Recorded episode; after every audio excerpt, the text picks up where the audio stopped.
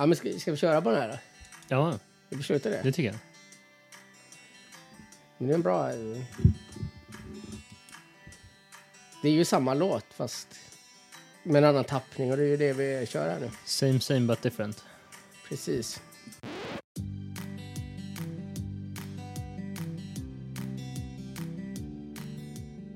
Hej och välkomna till det här pilotavsnittet av nystarten, eller ska vi kalla det säsong två av Strålande tider.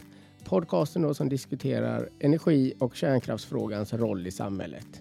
Och som ni då kanske märkt så har ju podcasten legat nere ett litet tag här i något då som skulle kunna påminna om en revisionsavställning av ett kärnkraftverk. Men nu nalkas det ju höst då och behovet för klimatsmart och planerbar elproduktion är ju större än någonsin. Så det är väl återigen dags då att börja dra ut de här styrstavarna och varva upp Mava-pumparna här för att komma igång igen. Och den här då, ska man säga säsong två, en ny säsong, betyder ju även ett nytt upplägg för podden. Så istället då för att det ska vara en renodlad intervjupodd så har jag då istället bjudit in en permanent gäst här, eller vad ska vi kalla det? Partner in crime då. Och för att eh, hitta då en partner in crime för den här podden så började man inte leta speciellt länge utan jag gick direkt till eh, podcastens första gäst någonsin och eh, då kanske kärnkraftstwitters absolut främsta förkämpe. Ja, och så här sitter du nu, Simon Vakter. Välkommen! tja, tja. Så hur känns det att vara partner i crime här nu? Jo, men det känns kul. Jag är alltid på att köta kärnkraft. Det är gött. Men eh, jag känner också lite så här självhat att vara så här två goa snubbar som startar ytterligare en podd. Liksom. Ja, Vi är ju inte först i den branschen. Nej, det är vi inte, inte först på bollen. Men vi eh, har ju lite speciellt tema. Ja, och, och, och det ska vi säga att temat blir ju här då att det här kommer bli lite grann av ett, om man säger snacka podd, ungefär som de andra poddarna ser ut när man har två gäster, eller två värdar. Det är ju att man har eh, varsitt ämne man pratar om och sen har vi väl också tänkt att diskutera sånt som är aktuellt och kanske lyfta en Twitter-diskussion till eh, poddformatet. Och eh, därmed sagt så är det ju inte så att de här intervjuerna kommer upphöra helt, utan intervjuer kommer göras när möjligheten finns och det kan mycket väl vara så att vi bjuder in någon mer. Ja, nej, men det finns väl absolut ingenting som hindrar att man bjuder in någon kul eh, gäst. Nej. Det nytt också så här, nu spelar vi ju in hemma hos mig. Jag har alltid spelat in i studion eller hemma hos folk. Ja, hur känns det? Du var ju med i studion förra gången. Ja, men det är ju kul. Det är kul att du köpte ett hus bara för podcasten. Just. Men eh, vi kanske måste kitta hemmastudion lite mer kärnkraftsprylar, eh, tycker jag. Ja, det, det, det finns att jobba på här. Jag har ju faktiskt en anti-kärnkraftsflagga, så här, kärnkraft nej tack, så att, eh, någonting har jag. Inte uppsatt dock, ska jag säga, men det finns i rummet. Vad ska vi prata om i första avsnittet då? Det här ser jag väl lite grann också som en, ska jag säga, liten trailer som vi pratar mer om vad som komma skall under den här säsongen. En varningsflagga. Ja, det skulle man kunna säga. Och vi, vi har väl även det här att, det glömde jag nämna, men eh, vi tänker oss väl ungefär varannan vecka då, på ett givet veckodag, att vi kan släppa ett sånt här avsnitt, ja, på det temat som vi nu kommer att prata om. Och sen så kommer de här intervjuerna, kanske en i månaden, kanske en varannan månad. Och eh, finns det då behov av att göra extra avsnitt så gör vi det, eller bör, som vi sa innan, att vi kanske bjuder in en tredje gäst eller rent av ringer upp någon. Ja, ämnet är fritt så att säga. Varannan vecka känns ganska ambitiöst. Vi får, eh, jag tror att vi, vi börjar så, sen får vi se hur vi klarar att hålla det. Är De, de flesta kör ju varje vecka, så det, det borde vi klara. Ja, och eh, om, om vi bara ska ge liksom en teaser här då, om vi blickar framåt och tänker oss tio avsnitt framåt. Vad, vad är det för typ av ämnen du kommer ta upp, Simon, i det här? Ja, jag vet inte. Jag tänker att vi kan prata om lite allt möjligt. Alla möjliga kärnkraftnyheter. Det är ganska bristande bevakning i Sverige tycker jag, vad som händer runt om i världen. Så jag hoppas att kunna täcka lite sånt. Men eh, sen framför allt nu så är det ju, det är såklart energikrisen som dominerar. Och där finns det ju eh, många kärnkraftstopics som hör till. Eh, liksom vi har kärnkraften i Ukraina, vi har eh, tyska reaktorerna, ska man behålla dem eller inte? Går det eller inte? Vad finns det där? Sen har vi de eh, franska reaktorerna. De går ju väldigt dåligt just nu. Lite bidragande faktor till energikrisen i alla fall i Västeuropa elmässigt. Och eh, vi har även värmeböljan, en diskussion om det. Sen har vi haft eh, taxonomin var i början av det här året. Lite ESG, vi har slutförvar. Det finns en hel del att diskutera tror jag, så vi kommer inte få slut på saker att prata om. Vad har du på din eh, lista? Eh, jag har faktiskt ingenting på min lista mer än att eh, jag tror att jag ska försöka bidra lite grann med ett perspektiv som inte jag haft i podden innan, för då har jag ju agerat intervjuare som bara ställt frågor. Men jag ska försöka väva in lite grann min erfarenhet av kärnkraft mer från branschen och försöka lyfta det perspektivet. För jag tror att i debatten så är det väldigt många tyckare som finns, men inte så många som verkligen jobbat, jobbat med kärnkraft eller varit projektledare inom så att säga, aktiva projekt inom revision eller rivning eller sådär. Så jag ska försöka lyfta det lite grann. Sen så får vi väl se. Jag har ju lite idéer också om eh, sånt som eh, ligger branschen nära och förklara det lite grann. Och, man inte går in kanske bara i sånt som debatteras utan även ta sånt som ingen tänker på utan bara händer. Ja, ja men jag tycker alltid det är kul att prata med folk som gör saker på riktigt i kärnkraften. Jag gör pappersgrejer i kärnkraften, så finns det folk som gör grejer på riktigt. Eh, och det finns många tyckare, så det är kul att höra kanske från folk som faktiskt jobbar med kärnkraften. Ja. Eh, sen har vi såklart, eh, vi har ju valet också som kommer. Eh, det är en stor topic. Och kärnkraft och energi är ju viktigt inför det. Jag vet inte om vi får det här avsnittet eller fler avsnitt innan dess, men det kommer säkert inte men, vara någonting som drar ut. Nej, och jag, jag, tror att vi försöker sikta på att få in ett avsnitt till innan och det skulle då vara någon form av valspecial. Nu lovar vi mycket saker. ja, nej, men om vi skulle kunna få in en eh, valspecial egentligen bara för att få med perspektivet. Vad tycker partierna egentligen utifrån kärnkraftsfrågan? Det, det, det kommer inte bli någon valspecial utifrån, utifrån andra frågor än kärnkraft och energi i så fall. Ja, men bra att du tog upp det. Sen så lär vi ju ha eh, anledning att prata om efter valet, vad som händer. Vad som lär hända, för det, det lär ju inte gå helt osmidigt efteråt. Nej, det känns ju som fullständig coin toss, liksom, vad som kommer hända efter valet, vilken regeringskonstellation vi kommer se, hur lång tid det tar att få på plats. Eh, och den här energikrisen kommer väl fortsätta och kanske förvärras som det ser ut mm. nu då. Och, och, där har vi nog också en liten idé jag har att vi, vi kanske gör en sån här lite konsumentrådgivningskampanj också i det här. Att bjuda in någon som vet hur man sparar på energi och så där. Att inte diskutera bygg kärnkraftverk utan diskutera det här gör ni just nu utifrån din situation för att eh, se till att elräkningen inte tar upp hela lönechecken eller pensionen. Ja, men någon elmarknadsexpert eller elhandelsnisse kanske? Ja, ja men precis. Och, och lite grann, vad, vad, är liksom ett rimligt fast pris och varför ska man inte göra det? Ska man skriva upp på ett år, tre år eller ska man köra rörligt månad och när är timpris bra och så vidare? Och jo, eh, en annan aspekt som jag tänker att man kanske skulle kunna lyfta också och bryta i, det, det, det är ju liksom många av de här frågorna som uppkommer i debatten bland folk som kanske ja, men folk som är väldigt kärnkraftspositiva just det här. Återstarta Ringhals, återstarta Oskarshamn. Varför har vi inte 100% kärnkraft? Varför bygger vi ens ett vindkraftverk? Vad, vad, vad, är det för något som driver de flesta då, skulle jag säga, experter att inte ha den lösningen? Det tror jag också skulle kunna vara en aspekt att ta upp i detta, så att det inte här bara blir som ett väckelsemöte, att det är 100% kärnkraft överallt, utan man kan köpa 100% kärnkraftsel, men man behöver inte ha 100% kärnkraft som elförsörjning. Ja. ja, men det låter väl som ett bra avsnitt. Det är djupdykning i energiförsörjning nästan. Men vad tror du, ska vi köra ett avsnitt med så här argument mot kärnkraft? Ja, eh, just det. Det, det, det är ju... Eh, det, det lär komma också. Och jag tror inte man behöver hitta de argumenten speciellt djupt. Jag tror det är att bara spela upp något så här ring P1 och transkribera vad Ja, men jag tänker inte bara bemöta saker utan eh, liksom vad är legitima argument mot kärnkraft? Finns det sådana och vad är det för argument? Absolut. Och, och det finns ju självklart. Det blir en sån sak när man pratar om alltså podcasten. Det, det blev ju en tolv intervjuer och ett specialavsnitt plus en pilot.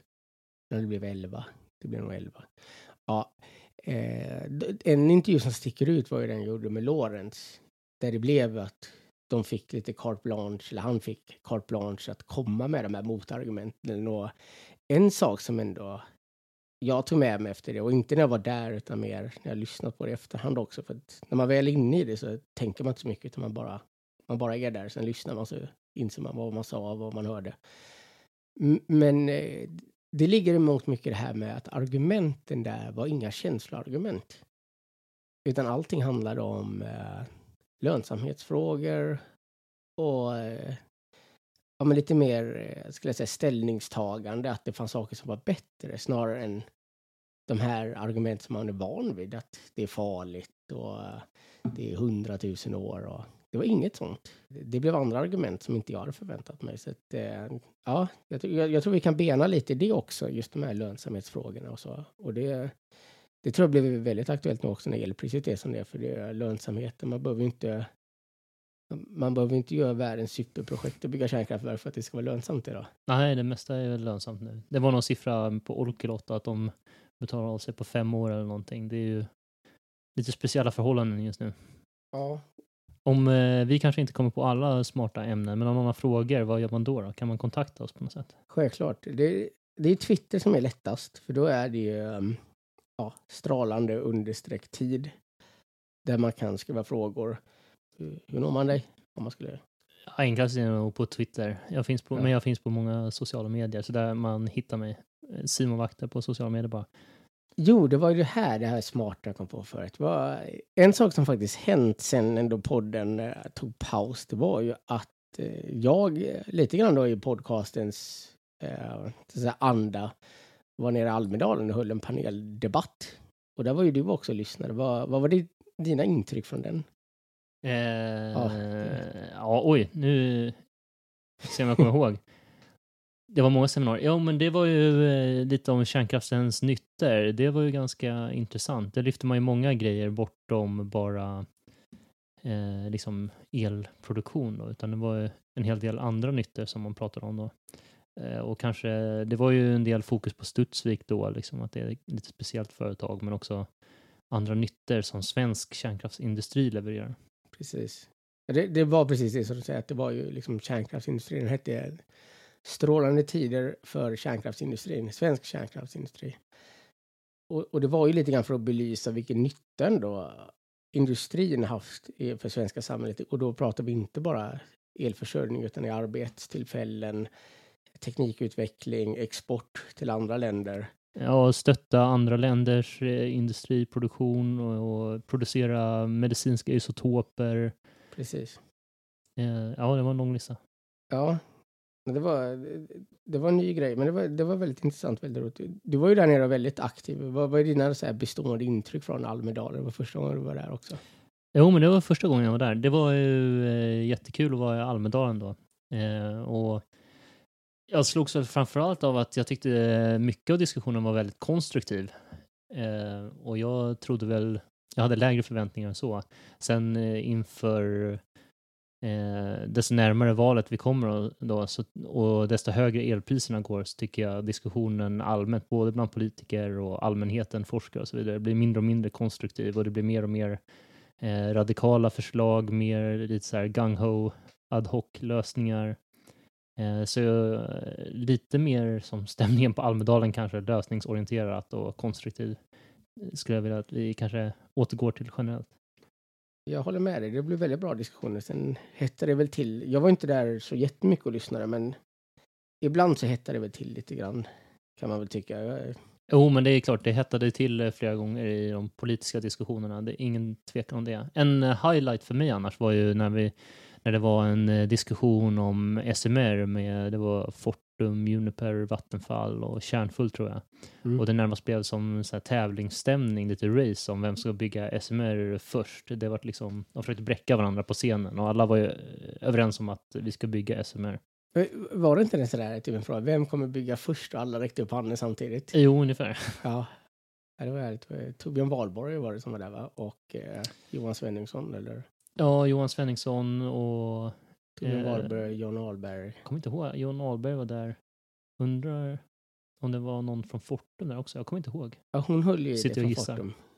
Hon, uh, hon var från Fortum. Ja, så höll det. Ja. ja, just det. Ja, nej, men det, det där var jättebra.